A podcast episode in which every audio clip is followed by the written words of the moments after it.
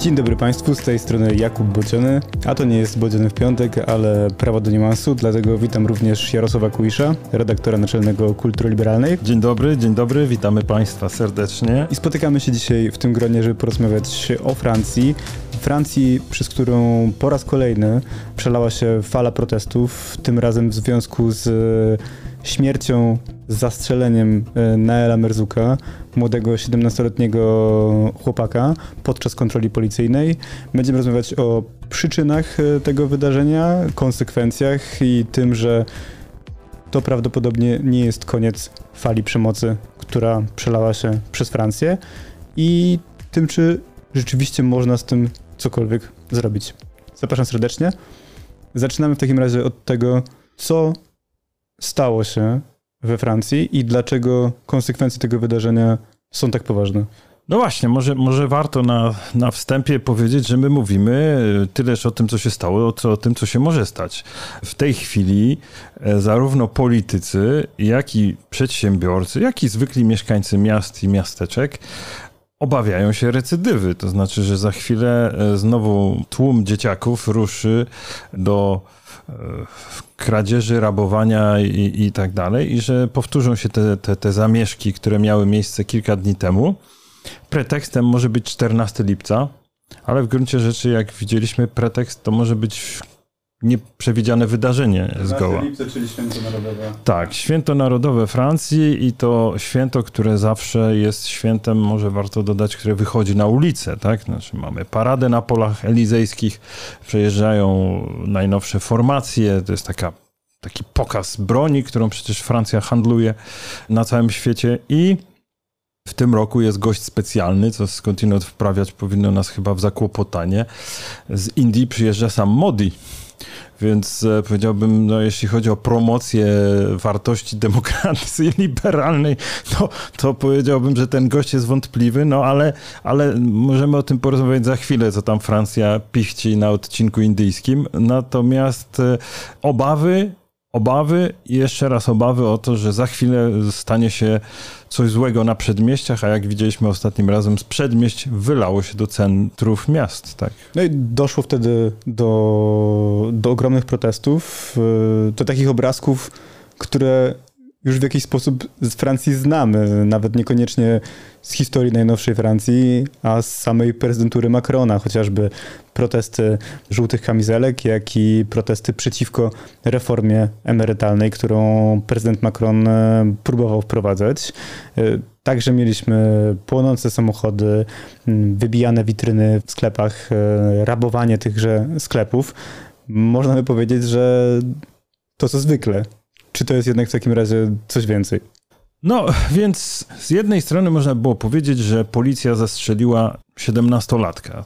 To jest jakby to wydarzenie, które uruchomiło całą lawinę wypadków. Ale prawdę mówiąc, to biorąc pod uwagę skalę przemocy w ostatnich latach, którą widać było na przedmieściach, chyba ważniejsze jest to, że po prostu ktoś to nagrał i wrzucił do mediów społecznościowych. Więc tu trzeba by było połączyć te dwa elementy, bo dopiero one dają nam jakieś takie wejście do tego labiryntu wydarzeń. Mianowicie pierwsza rzecz to jest zastrzelenie dzieciaka przez y, policjanta.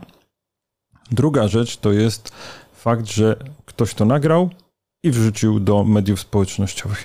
I pierwsza faza to jest oburzenie na to, że policjant, no wszyscy oceniają film, prawda? Ktokolwiek kręcił filmy wie, że to nie jest taka znowuż oczywista sprawa, jeśli chodzi o materiał filmowy, żeby wiedzieć, co się tam stało, no ale ludzie biorą literalnie tego typu nagrania, więc uznano, że to, co widzą, to jest to, co jest, a to, co widzieli, to była nieomal egzekucja na, na, na dzieciaku, więc zareagowano świętym oburzeniem. Jeżeli, prawda, postępowanie karne wyjaśni te, te, te sprawę w takim duchu, w jakim zinterpretowali to ludzie przed ekranami swoich monitorów, no to oburzenie jak najbardziej uzasadnione. Bo sytuacja, jak rozumiem, też wyglądała w ten sposób, że ten e, zabity chłopak prowadził sportowe auto i uciekał już przed policją. Na polskich rejestracjach, co proszę Państwa, to taki dodatek. I wjechał w jakiegoś rodzaju korek czy, czy zator i tam ta policja już go zatrzymała. i do tej fatalnej sytuacji doszło w trakcie tego zatrzymania. Tam obok niego był jeszcze jego współpasażer, i tutaj mamy dwie różne wersje historii, to znaczy wersję właśnie tego współpasażera, który przeżył, a także wersję policjanta i jego adwokata, która jest e, również linią obrony właśnie tego funkcjonariusza, który wcześniej był e, żołnierzem, służył między innymi w Afganistanie. No wersje, tutaj, tutaj można ten włos dzielić na czworo, ale w gruncie rzeczy chodzi o dwie wersje, które muszą się wykluczać, no bo jedna strona będzie próbowała bronić tego policjanta. Pierwsza, pierwsza wersja, nazwijmy ją taka literalna, wizualna, to znaczy to, co, co kto obejrzał ten materiał, policjanci zatrzymują i w zasadzie po krótkiej wymianie zdań dochodzi do strzelania, prawda, w dzieciaka z, z broni palnej. Druga wersja jest e, taka, że no tam próbowali ci, ci chłopcy uciec, w związku z tym ta broń wypaliła, no i tutaj policjant w gruncie rzeczy nie jest, nie jest winny, a na dodatek dzieciak, wystarczy zajrzeć do kartotek, też aniołkiem nie był. Wydaje się jednak, że e, to znowu ta sprawa będzie pewnie rozkładana na części pierwsze w tym postępowaniu karnym, no ale strzelanie do dzieciaków nawet e, w takiej sytuacji, którą tam widzieliśmy, to jest po prostu coś, co ja bliżej mi do tych, do tych, którzy potraktowali literalnie tę sytuację. To znaczy, że to jednak jest coś, co nie powinno było mieć miejsca, mówiąc najbardziej eufemistycznie. No i iskra. Iskra. Podziałało to, na kogo by nie podziałało, tak? Znaczy, jeżeli e, dzieciaki żyją na przedmieściach i spotykają się z brutalnością policji, i widzą, że e, wiele nie trzeba, żeby zginąć, tak? No to się zagotowało i może warto podkreślić, że jedną z pierwszych osób, która wyraziła swoje oburzenie na postępowanie policji w tej sprawie, był prezydent Emmanuel Macron.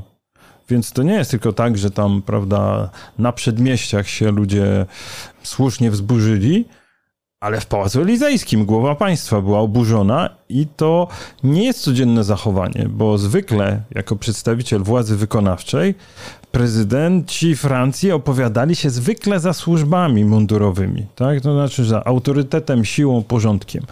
A tutaj Macron po prostu wyskoczył ni stąd, ni zowąd, wprawiając zresztą w konsternację swoich ministrów, w szczególności ministra spraw wewnętrznych, mówiąc, że e, to jest oburzające, co się stało jak widać, sam zareagował na film, a nie na wyjaśniające postępowanie. No tak, ta symboliczna i zaskakująca w jakiś sposób reakcja Emmanuela Macrona jednak nie wpłynęła na przebieg tych protestów i nie uspokoiła w żaden sposób nastrojów społecznych. No takie wrażenie, że jedna z polityczek polskich tak powiedziała, że ona tego w sumie nie rozumie, ale tam we Francji chyba coś jest, coś jest takiego, że ludzie sobie pozwalają na, na, na więcej przemocy w sferze publicznej. Na pewno tak jest, na pewno tak jest, ale te trzy sytuacje, o których tutaj wspomnieliśmy, no, przemoc nie jedno ma imię. Może być taka przemoc, inna przemoc. W przypadku żółtych kamizelek protest... Yy, chyba w ogóle prezydentura Macrona będzie wszystkim kojarzyć z permanentnymi rozróbami. Ale jednak te trzy protesty trochę inne źródła mają.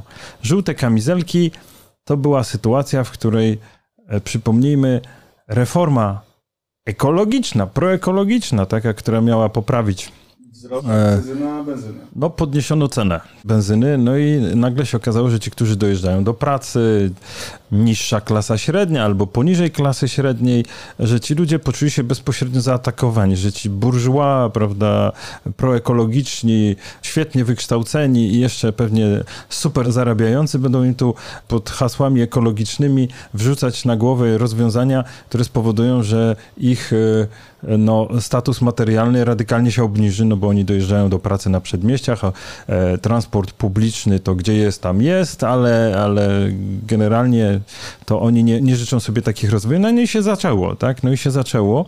Oczywiście do tego dochodzą mm, także jeszcze inne powody, ale zasadniczo, e, kiedy żółte kamizelki ruch się zaczyna, to wybucha taki spór znowu pomiędzy tymi ekologami zamożnymi z wielkich miast, a, a, a tymi, którzy mieszkają w małych miasteczkach, na przedmieściach i tak dalej. Tylko, że to nie były te same przedmieścia, które protestują teraz, o czym za chwilę. Potem druga reforma to jest reforma emerytalna. No tutaj dla odmiany ruszyła cała Francja, ale to była ta Francja środka. To była ta Francja e, klasy średniej, która po prostu nie po to ma w tym świecie, który jest taki płynny, który nie wiadomo co przyniesie, przyszłość, to ten wiek emerytalny to jest taki punkt odniesienia do planowania życia, do tego, żeby e, sobie pomyśleć o 20 latach na emeryturze, ale takiej dobrej emeryturze i tak dalej. Więc generalnie nie tysiące, a miliony osób poczuły się dotknięte tą reformą emerytalną, bo tak miało być. Na to wychodził Macron i mówił, że e, no dobrze, no ale to dlatego, żeby wam nie podnosić podatków, bo my po covid jesteśmy dość ostro zadłużeni i to zadłużenie tam się tego... Odsyłam do naszego wideo, bo mówiliśmy o tym, jak tam rząd próbował konstruować te opowieści na temat reformy emerytalnej. Było ich kilka. No i teraz mamy trzecią falę protestu. To zupełnie co innego, bo nagle te, te, te wielokulturowe przedmieścia Francji, tak, czyli trochę inne niż żółte kamizelki, na pewno inne niż reforma emerytalna, wybucha rewolta i na dodatek jeszcze tutaj ostrożnie z tym, bo, bo socjologowie tutaj mają jeszcze dużo do zrobienia, ale uderzające było, że to były dzieciaki. To, co teraz jest nieustająco obrabiane, to, to jest to, że to byli nastolatkowie i to na dodatek młodsi od tego Naela. Czyli 11-14 lat, tak się Tak, tak, tak. I to było, i to, to jest to, co sprawiło w taką e, sideracją, takie osłupienie, nie? Że, że, że ludzie po prostu co się, co się dzieje, co z tymi 11, 12, 13, co jest grane. Nie? I, i, I wtedy zaczęto tak pierwsze ćwiczenie. O, Szkoła się skończyła, więc zaczęły się wakacje, tak? No ale to jakby takie pierwsze, pierwsze prozaiczne wyjaśnienie. Niemniej pokazuje od razu, że struktura społeczna tego protestu, tak, uczestnicy, aktorzy tych wydarzeń, to jednak inna grupa społeczna. I to wprawiło no, w ciężkie jednak osłupienie, bo zobaczono takie hordy dzieciaków, które... I tu dwie fazy tych protestów. Pierwsza faza szczerze się oburzyły na zamordowanie ich rówieśnika przez policję. Druga faza ruszyły do, i tutaj zamieszki, lewicowi politycy mówili rewolta, tak? inni mówili o zwykłej bandyterce i wandalizmie, więc to trochę kwestia zaklasyfikowania tego też jest dość tak ideologicznie rozłożona. No ale z całą pewnością mieliśmy do czynienia w tej drugiej fazie z aktami rabunku i, i, i wandalizmu. No to to akurat trudno kwestionować. No. Czy to rzeczywiście jest tak, że problemem jest we Francji kwestia przemocy policyjnej? Bo z jednej strony z tej bardziej lewej można właśnie usłyszeć tego typu wyjaśnienie, z drugiej strony słyszymy, że no to policji jest za mało. Jej problemy, wyzwania, z którymi ona musi się mierzyć, są e, tak ogromne, że po prostu musi się uciekać do tego typu zachowań i też zagrożenia, z którymi ona się mierzy, prowokują e, tego typu zachowania. Jeśli chodzi o służby mundurowe, to tutaj poczyniają ogromne inwestycje w ostatnich latach, do czego się te fale, kolejne fale przemocy falnie przyczyniły. Ale policja francuska nie należy do najłagodniejszych. I teraz, gdyby to chodziło o jeden czynnik, to być może byśmy dawno już byli po rozwiązaniu problemu. Ale to, to po prostu jest, y, ledwo się ktoś zabierze za te przedmieścia i nagle się okazuje, że po prostu cała jakaś kaskada problemów. Jedne z drugimi się nakładają, jedne do drugich. To, to, to nie jest takie proste w ogóle. I stąd od 20 lat politycy, bo fala zamieszek, do których porównywano to, co się w tym roku stało, to była fala zamieszek 2005 roku. Są poważne różnice, ale po tym 2005 roku no zdawano sobie sprawę, że to, to, to trzeba coś zrobić. Tam w 2005 roku również mieliśmy e, taką sytuację, to znaczy wtedy bodajże dwójka chłopaków uciekała przed policją i tam e, w konsekwencji schowali się w pewnym momencie w stacji transformatorowej. Tak, no i tam, i tam no, to nie było fortunne, tam po prostu zginęli, tak? I znowu to jest trochę uproszczenie, bo to nie, nie sam fakt, że zginęli, tam wyzwolił wtedy, wtedy te zamieszki, ale to, że jeszcze doszło do, do incydentu z udziałem policji później, tam petarda wpadła do meczetu i tak dalej. Więc krótko mówiąc, tam trochę więcej się wydarzyło. W każdym razie wtedy w 2005 roku prawda, zapłonęła Francja od góry do dołu. Nicolas Sarkozy jeszcze wtedy jako minister spraw wewnętrznych biegał od telewizji do telewizji, tylko tam podgrzewał atmosferę. myśląc o prezydenturze już. Jego rywal z drugiej strony, François Hollande, też yy, retorycznie niczego mu nie brakowało, bo wtedy był w opozycji, atakował cały rząd, że nic nie robi, trzeba wziąć się do czynów i tak dalej. Też mu to nie zaszkodziło w drodze do Pałacu Elizejskiego w 2012 roku, po tym jak pokonał Sarkoziego. Więc w praktyce to oznaczało, że jednak przez te 20 lat mocno badano to, co się tam stało z jednej strony, a z drugiej wpompowano mnóstwo pieniędzy na przedmieścia. Znaczy zaczęto tam wysyłać pieniądze. I muszę powiedzieć, że kiedy się zastanawiałem nad tym, bo podano jakieś bajońskie sumy w ogóle. To, to nie jest tak, że tam...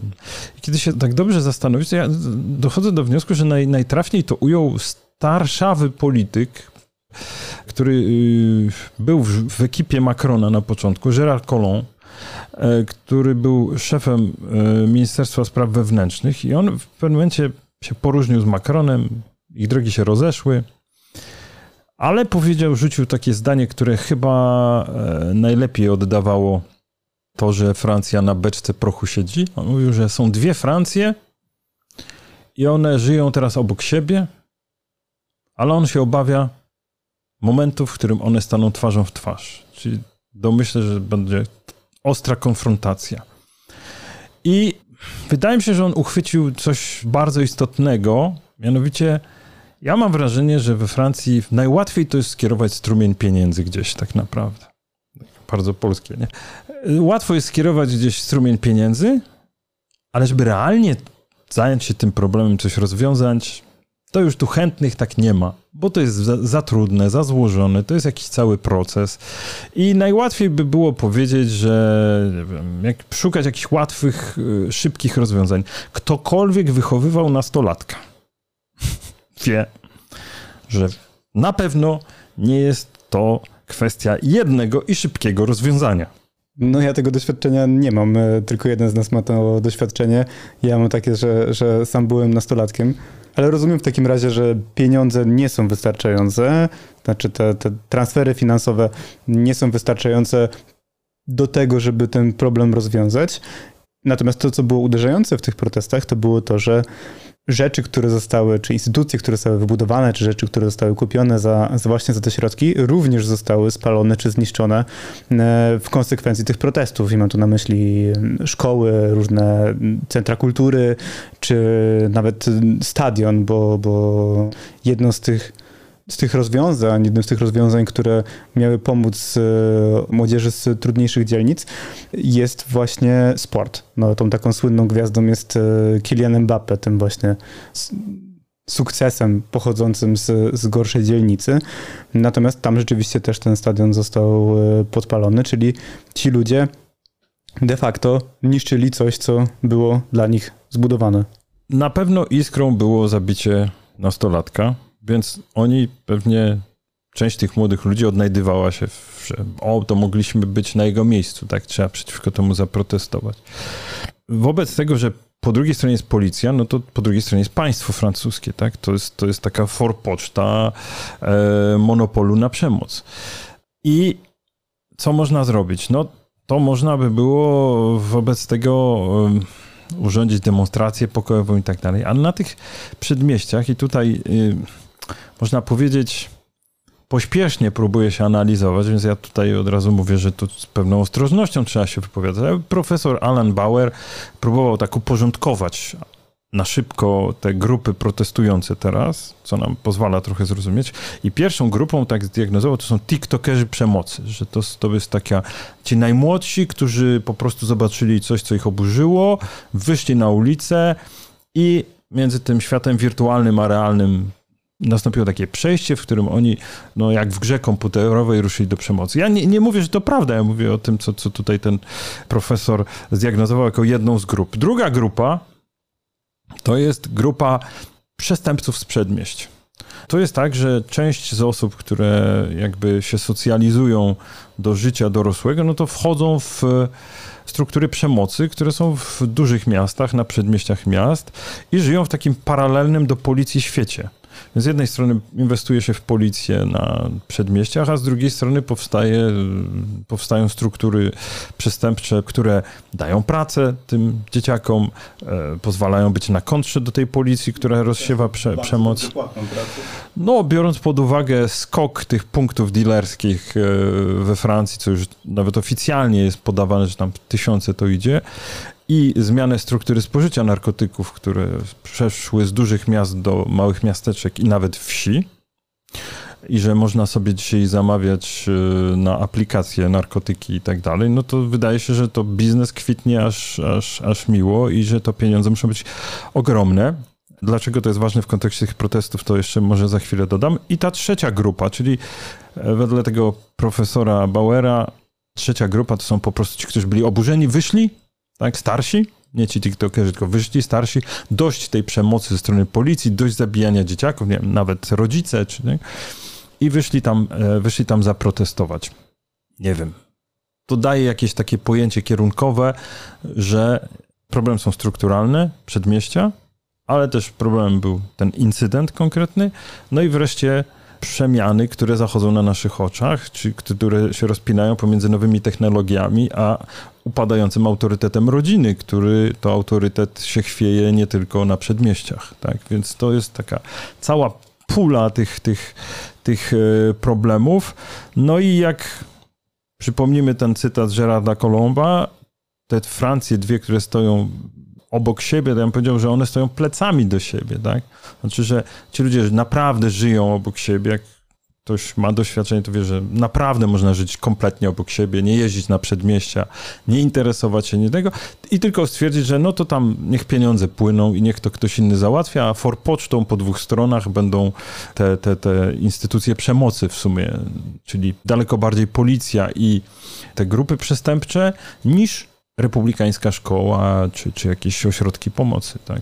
Tak, to tylko ja pozwolę sobie zaprotestować yy, a propos jednej z tych tez, yy, mianowicie yy, mówiącej o tym, że, że, że to jest kwestia gier komputerowych, bo szczerze mówiąc, ten argument słyszę a propos bardzo wielu dyskusji i też pamiętam, jak sam byłem nastolatkiem, to, to też były jakieś alarmujące dziennikarskie materiały na temat tego, że tak, to właśnie gry komputerowe są odpowiedzialne za to, że że przemoc wśród dzieci eskaluje, czy, czy, czy tego typu wyjaśnienia.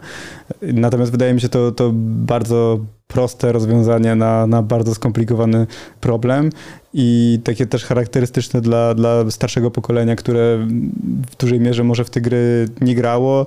W związku z tym ma takie podejście na zasadzie a no to, to mnie nie dotyczyło, więc wiadomo, że to jest ten jeden spaczony element, który dotknął młodsze pokolenie i dlatego teraz wychodzą na ulicę i, i postanawiają niszczyć miasto. Zajmując się trochę historią mediów, y, natrafiłem na taki argument, że dawno temu tłumaczono, że do przemocy przyczynia się popularyzacja radia. Ci, ci chyba, no. chyba raczej budzi śmiech tego typu wyjaśnienie. Więc każde nowe medium budzi, budzi tego typu obawy, bo po prostu starsze pokolenie go nie rozumie. Ale, ale była taka dziennikarka, która wyszła i powiedziała, dziennikarze mówili, że następowało odwzorowywanie scen przemocy z gier. Że taka totalna zabawa tam e, w przemoc była. Nie wiem. No tak, ale z drugiej strony gry też w dużej mierze odzorowują prawdziwe życie, więc e, znaczy dla mnie po prostu ten argument nie, nie jest przekonywujący. Ale to, co zrobiło na mnie wrażenie, no to była kwestia nagrywania tych incydentów przez e, protestujących, czy nawet streamowania na żywo po prostu w internecie e, na takiej zasadzie, że warto się pochwalić tym, co się właśnie zniszczyło, czy, czy, czy splądrowało. I te osoby, jak się wydaje, chyba nie zdawały sobie sprawy z tego, że te materiały zostaną użyte przeciwko nim jako materiały dowodowe w sprawach karnych. No nie wiem, czy Państwo mieli okazję zobaczyć, ale tam naprawdę takie materiały, że no, nastolatek wraz całą grupą rówieśników wpada do centrum handlowego i nadaje na żywo, prawda? O, tutaj zobaczcie, to, tutaj buty, a tutaj koszulki, co tu wybrać i tak dalej. I to, i to po prostu, prawda, a lajki lecą tam, więc e, to była taka, e, no, interesująca sytuacja, bo można powiedzieć, że w jakiejś mierze taki dało sobie znać narcyzm medialno-konsumpcyjny, no bo to, to, to, to, też domaga się jakiegoś takiego analizy na przyszłość, bo ci młodzi ludzie tak przychodzili ci politycy i tak mówili, a to tam z lewicy, sprzeciw przeciwko rozpasanemu kapitalizmowi, tak? E, ci z prawicy mówi, o to tam emigranci, prawda, i, i samo zło. Ale jak tak się przyjrzeć całej tej sytuacji, którą można było zobaczyć, no to, to, to nie wiem, to raczej mechaniczna pomarańcza, proszę Państwa, Stanleya Kubricka się przypominała. No po prostu grupy młodych ludzi, które e, miały jakąś też frajdę z tej przemocy. No to może strasznie brzmi, co ja mówię, ale... Mm, no, proszę zajrzeć sobie, no te filmy chyba nie wszystkie znikły, bo ich tysiące było do obejrzenia i ten wybuch przemocy na przedmieściach, swoją drogą w filmie Kubricka, to też może warto przypomnieć, to byli młodzi Brytyjczycy na przedmieściach i tam z żadnych rodzin imigranckich, tylko film opowiadał o, o, o tym, że jest mnóstwo przemocy dookoła tych przedmieść brytyjskich wtedy, mnóstwo przemocy strukturalnej w szkołach, więzieniach i tak dalej. No i tak, prawda, ci młodzi ludzie, którzy się zrywają, próbują wyjść poza te struktury, też już uciekają do najgorszych form przemocy. Tak? Film niby film, ale, ale, ale dość taki pouczający. No a tutaj w, w tych zamieszkach oczywiście sięgano także po, po wyjaśnienie z tego klucza e, przedmieść, które są no, multikulturowe, że tak niezintegrowane z Francją i tak dalej. Widzieli Państwo żółte kamizelki albo reformę emerytalną awantury i sceny przemocy urządzali wcale nie mieszkańcy przedmieść. Czy jest jakieś rozwiązanie, czy wytłumaczenie dlaczego do takiej sytuacji dochodzi. Bo z jednej strony mamy skrajną lewicę, która mówi, że to kwestia policyjnej brutalności i złego systemu. Z drugiej strony wychodzi skrajna prawica i mówi, że to kwestia niekontrolowanej imigracji i właśnie takie są konsekwencje tego typu procederów. No a, a tymczasem wszystko to się spotyka, tak? Znaczy to nie jest tak właśnie, to jest znacznie więcej niż tylko jeden czynnik do tego. E, widać było zresztą, kiedy ta przemoc, tak, e, prawda, samochody wjeżdżające w supermarkety i rabowanie jedzenia, e, zresztą dewastowanie, tak, ten wandalizm był... Myślę, że to, co na mnie zrobiło największe wrażenie, to była ta próba zamachu na jednego z burmistrzów, tak jak rozumiem. To prawda, ale tam akurat zaczęto później, później y, może przypomnijmy, że samochód wjechał w dom burmistrza. Tak. I, i, i, tam tego burmistrza nie było, ale była jego żona, dzieci i, i to małe dzieci i, i generalnie no, przerażenie tutaj zaatakowano dom, tak, prywatną sferę. Rzecz w tym, że ten mer podobno walczy z y, grupami przestępczymi i e, nawet po takich pierwszy, z pierwszych analiz wynikało, że to po prostu przestępcy lokalni chyba skorzystali z okazji i w trakcie tych zamieszek postanowili zaatakować tego, kto wchodzi na walkę z narkotykami. Więc e, interesujące, taka hipoteza. Potem jakoś znikł ten temat. Niemniej jest to e, taki, taki przypadek trochę osobny, tak? Znaczy, że, że tutaj być może było, była walka z grupami przestępczymi akurat w przypadku tego, tego e, mera i ataku na jego, na jego dom i rodzinę. Niemniej mamy teraz e, wielką pokusę szybkich i prostych rozwiązań. I tak w sondażach wśród najważniejszych tematów, nikogo z Państwa nie zaskoczy, 10 punktów procentowych skoczyło kwestia poczucia bezpieczeństwa, tak jako tam cały czas na pierwszym miejscu jest e, siła nabywcza jako temat numer jeden dla Francuzów, ale to bezpieczeństwo już, już tuż, tuż za nimi. Ekipa Macrona mimo wszystko się dwoiła i, i troiła tam, żeby nie chowali się tak, w tych swoich e, urzędach. Przeciwnie, e, szef MSW wydaje się podążać tropami Sarkoziego, to znaczy tak jakby tam nad głową taki dymek i myśl o prezydenturze, tam mu się pałac elizejski w, dymku unosi. E, Gerard Darmanin po prostu ewidentnie chce takiego szeryfa zagrać, więc się pokazuje i wspiera policję. Jest też minister sprawiedliwości, który, który y, Dupont-Merty, który, który tam biegał, dwoił się i troił, też pokazał, że jest takim silnym człowiekiem, który woła. Pani premier Elizabeth Born też występowała. No i wreszcie Manuel Macron, który generalnie, jak Państwo też może wiedzą z tych naszych wcześniejszych programów, lubi konfrontację. To nie jest człowiek, który by się bał i schował w Pałacu Elizajskim, więc Ale on rozumiem, też... E, po stronie, po stronie, tak, tak, tak, tak. Po stronie ofiar. Później zmienił zdanie, czy jak? Nie, nie, on miał taki, bo, bo on, on o przedmieściach to w ogóle mało co wie w sumie.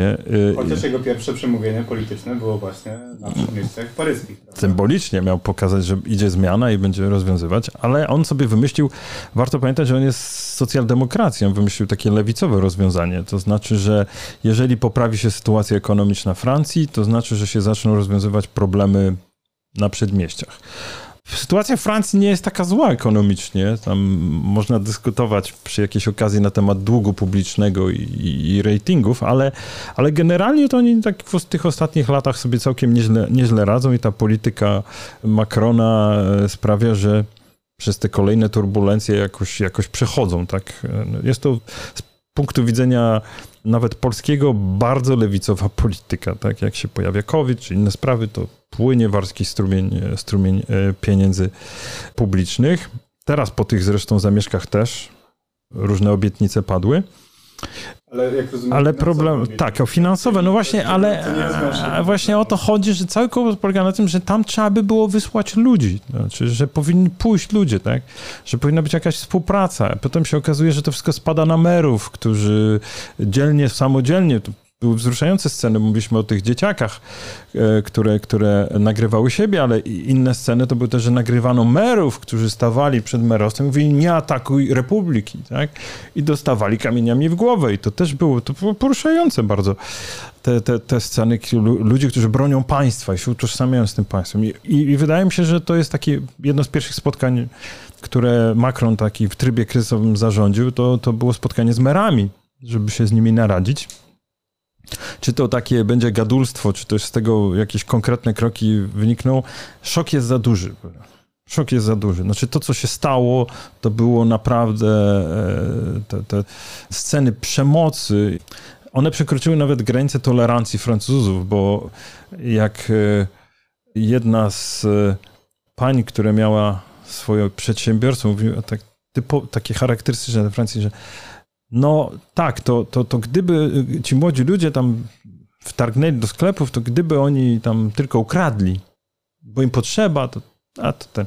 To charakterystycznie, nie? Bo u nas to już przy tym pierwszym punkcie by dużo osób zaprotestowało. A ona po przecinku powiedziała, no ale ten wandalizm, to bezmyślne niszczenie sklepów, infrastruktury, no to, to ten element irracjonalny takiej właśnie eksplozji przemocy, po prostu zniszczymy wszystko, co się, co się da, no to, to spowodowało ogromny szok. Teraz, prawda, z każdego dnia, e, bo to nie skończyło się, no, trwają analizy i są wywiady z ludźmi. Dopiero co widziałem takiego materiał z panem, który prowadził kino. Małe kino na przedmieściach. I mówi, to dla nich jest to kino. Dla tych ludzi tam bilet wstępu kosztuje grosze. I pokazuje materiał filmowy, bo kamera zarejestrowała scenę wandalizmu. I on mówi, o, a tu widzą państwo to dziewczyna, której dwa dni temu bilet sprzedałem. Tak, tam nawet babcia tego zamordowanego chłopaka wzywała do, do spokoju protestujących, yy, tak żeby w jakiś sposób tonować te nastroje. No tak, tak, to jest tak, że, że dlatego warto podkreślić, że oczywiście mamy takie szablony wyjaśnienia i u nas zaraz całe grono domorosłych tam tłumaczy się, się wyrwało, ale, ale mnóstwo było wypowiedzi tego starszego pokolenia rodziców, dziadków, babć z przedmieść, byli przerażeni tym zachowaniem dzieciaków. Więc nie na darmo teraz, to, to bardzo ciekawe, bo to rozłożenie akcentów w debacie ewidentnie jest przesunięte, bo do tej pory dużo mówiono o problemie przedmieść, czyli że się nie integrują. W zasadzie można powiedzieć, że w ostatnich dniach przede wszystkim dyskutuje się o problemie, co z tymi młodymi ludźmi. Ale to rozumiem, że te starsze pokolenia z przedmieść de facto dziwią się zachowaniu swoich yy, dzieci i wnuków, tak? No, dziwią się i nie dziwią, bo tam wy- wy- wychodzi pani, która taka, prawda, mama samotna i mówi, no co ja mam zrobić? Mam trójkę dzieci, mąż mnie zostawił, idę do pracy, której dojeżdżam godzinę, potem wracam godzinę po ośmiu godzinach i kto wychowuje te młodsze, moje dzieci? No starsze rodzeństwo, tak? I tak to nie jest, bo to tam znowu wychodzą badacze i wyciągają dane i pokazują, że no tak, no to, to na przedmieściach jest e, po prostu mm, wzrost liczby gospodarstw domowych, w których są samotne matki z, z, dziećmi, no i tutaj pomoc ze strony ich byłych partnerów jest słaba lub żadna. No ale to tak jak mówię, to jest cała mozaika po prostu, to jest tych elementów. To nie jest tak, że to tłumaczy wszystko, to, to oczywiście, że nie tłumaczy, ale u nas sięgano też po taki klucz wyznaniowy, tak, że o, to pewnie islamskie przedmieścia. No chyba z opisu, proszę sobie zobaczyć te materiały. No, no, dzieciak rzucający się po modne buty w sklepie, który został rozwalony e, za pomocą auta. Ja tu widzę słabe e, wyjaśnienia wyznaniowe, tak? Jest mnóstwo innych skądinąd interesujących, no ale wydaje mi się, że także z punktu widzenia islamu to się, to się nie broni, proszę Państwa. A kto politycznie na tym korzysta? Jakiej partii udało się rzeczywiście przebić z tą przekonywującą dla większości Francuzów narracją? Korzyści czerpie niezmiennie w ostatnim czasie Marine Le Pen przede wszystkim.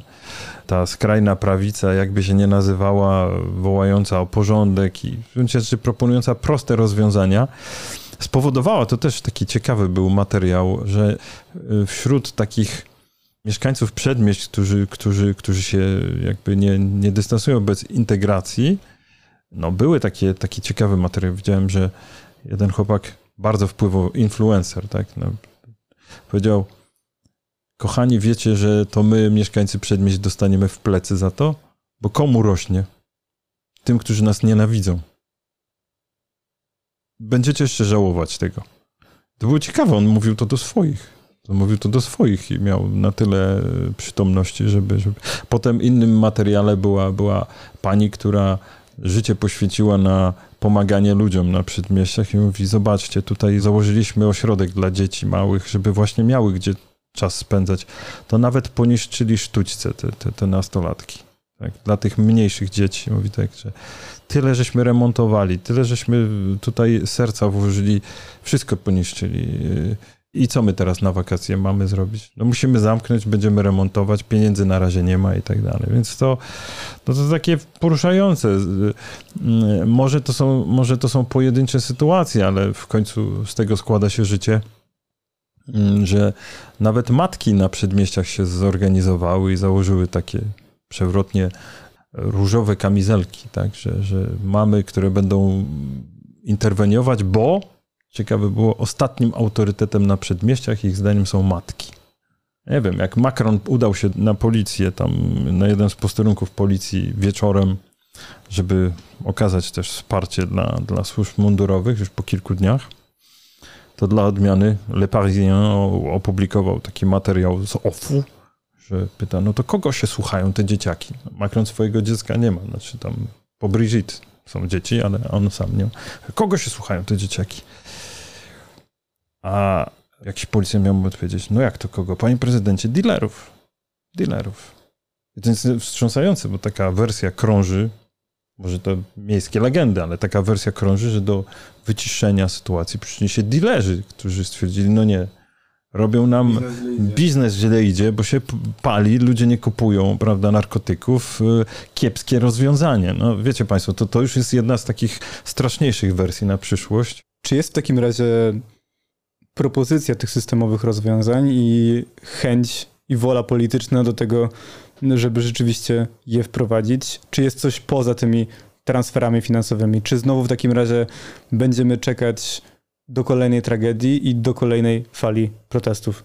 No, szok jest tak duży, szczególnie tą, tymi aktami wandalizmu, takimi irracjonalnymi, e, że wydaje mi się, że to się po pierwsze nie da już zamieść. To nie jest tak, że, że to się da zamieść pod, pod dywan. Dwa, e, jakieś promyki nadziei widać by było w tym, żeby przestać myśleć o, o tym, jak tylko pompować pieniądze. Pieniądze na pewno są potrzebne, ale no co, no wiadomo, że szkoły są gorszej jakości na przedmieściach.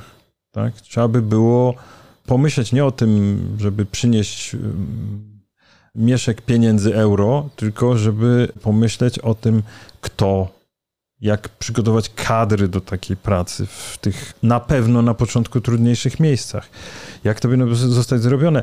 Warto zresztą pomyśleć o tym, że Duńczycy, o których dużo Francuzi mówią, no bo Duńczycy mają dość taką awangardową politykę migracyjną, Duńczycy zaczęli nawet likwidować przedmieścia. I to jest, bo mówimy przedmieścia, wiecie Państwo, przedmieścia mogą być różne, różne to tak brzmi. Przedmieścia mogą być e, willowymi dzielnicami, prawda? My mówimy o pewnej koncepcji przedmieścia, takiej społeczno-polityczno-ekonomicznej. To znaczy, że zamiast e, integrować, bo Francuzi dużo mówią, że się nie udała integracja, ale można odnieść wrażenie, że się w ogóle nikt tej integracji nie chciał, tak? Zbudować wielkie blokowiska i niech tam sobie żyją ci ludzie, tak? Słabe rozwiązanie. Duńczycy zaczęli, głośnym echem się odbiło, sprawa niszczenia budynków. Znaczy te blokowiska, tam jakieś takie, no, w Danii są niższe, tak? Ale zaczęto niszczyć blokowiska po to, żeby postawić nowe domy, w których będą mieszkali jednocześnie Duńczycy i dzieci migrantów, migranci. Duńczycy dostają wsparcie finansowe do tego. Ci nowi obywatele też dostają jakieś wsparcie finansowe i nie ma, że będą żyć e, w jakiś tam właśnie rozło- obok siebie. Tak, tak, właśnie. Tak, że, że, a potem staną twarzą w twarz. Więc e, to ciekawe, no, proszę Państwa, no, zniszczenie bloku to jest dość taka radykalna. No, tam wychodzili, sam widziałem taki materiał, wychodzili mieszkańcy tego duńskiego bloku mówili, no tu spędziłem całe życie, no co to jest, nie? Bez sentymentów tam, prawda, zrównali z ziemią i postawili nowy. Tak sobie myślę, że, że, że to są, to jest po prostu cała pula rozwiązań, nad którymi trzeba by było chcieć po prostu ten problem w ogóle rozwiązać, ale tak na serio, nie, że tam... Ja mam taki, taki problem, że czasami najłatwiej jest dać pieniądze, tak? Nie mówię, że to jest źle, nie mówię, że to nie powinno się dawać pieniędzy i że nie należy, bo no, na pewno są potrzebne. Oczywiście i to nie ma wątpliwości, ale, ale już pytanie, na co idą te pieniądze? I czynnik ludzki, znaczy z kim, kogo, jak się przygotuje tych ludzi, jak ich się zmotywuje, w jaki sposób się te, te, te strukturalne problemy, jak się teraz będzie rozwiązywać problemy z dzieciakami, które, no, to socjalizacja była, nie? Znaczy takie wejście, rytuał przejścia dla młodych nastolatków, że uczestniczyli w orgii przemocy i, i to jest ich doświadczenie. To, to, to jest kolejna rzecz, którą trzeba wziąć pod uwagę, tak? E, z materiałów, które omawialiśmy, wynikało jasno, że niektórym sprawiało to radość. Inni się być może potem przestraszyli, jeszcze inni dostali burę tam od rodziców czy dziadków, ale myślę, że, że, że z punktu widzenia takiego polskiego, już kończąc, to wielką przykrość mi sprawia, kiedy moi rodacy się cieszą z tego, że komuś się źle dzieje. Tak, no wydaje mi się, że to jest kwestia związana z takim trochę polskim, szczególnie prawicowym Schadenfreude. To znaczy, z jednej strony oczywiście jest za co krytykować e, francuską politykę, w szczególności francuską politykę imigracyjną, natomiast e, ta polityka istnieje w odróżnieniu na przykład od polskiej, która charakteryzuje się głównie tym, że wydaje się krótkoterminowe zezwolenia na pracę dla przybyszów na przykład z Bangladeszu, Pakistanu czy, czy Indii i de facto nic więcej się nie robi, tak? znaczy nie ma żadnego systemu, który by tych ludzi integrował jakoś e, do społeczeństwa, więc istnieje moim zdaniem bardzo duże prawdopodobieństwo, że my w przeciągu następnych lat będziemy zmagać się z podobnymi problemami co Francuzi, a problem jest taki, że tych systemowych rozwiązań nie ma żadnych, a nawet te transfery pieniężne w przypadku Polski, dlatego że jesteśmy krajem znacznie biedniejszym, będą po prostu znacznie mniejsze. Czyli skala tych problemów może być znacznie poważniejsza. Ja bym, ja bym się raczej właśnie tak zastanawiał nad tym, że, że my w ogóle nie mamy żadnej infrastruktury, która by miała.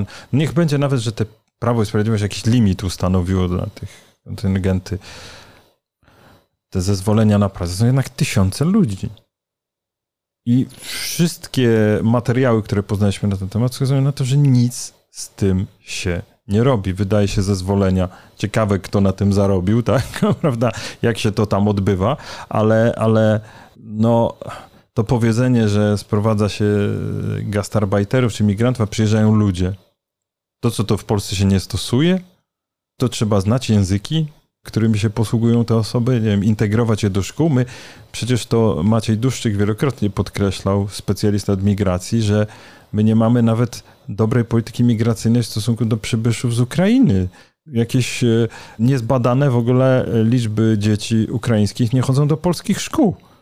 Co dopiero mówić o, o jakichś e, problemach przyszłości, jak my teraz już nie poradziliśmy sobie z wyzwaniem edukacyjnym, więc ja nie wiem, no to, to jest coś takiego, co budzi, budzi generalnie, jest problem, na pewno duży, nikt nie, nie, nie mówi, że go nie ma, ale nie wiem, śmianie się z tego, że Zachód płonie, albo śmianie się po prostu z czegoś nieszczęścia, co to mówi o, o, o ludziach, którzy czerpią radość z tego? Zostawiam Państwu tę odpowiedź tym gorzkim, ale też wydaje mi się zniuansowanym obrazem, tak jak e, tytuł naszego formatu. Zostawiamy dzisiaj Państwa. Dziękuję. A ja serdecznie zapraszam na piątkową rozmowę z podpułkownikiem rezerwy Maciejem e, Korowajem o konsekwencjach szczytu NATO, a także sytuacji na froncie ukraińsko-rosyjskim. Bardzo ciekawe. Subskrybujcie Państwo. Bardzo dziękujemy. Do zobaczenia i do usłyszenia.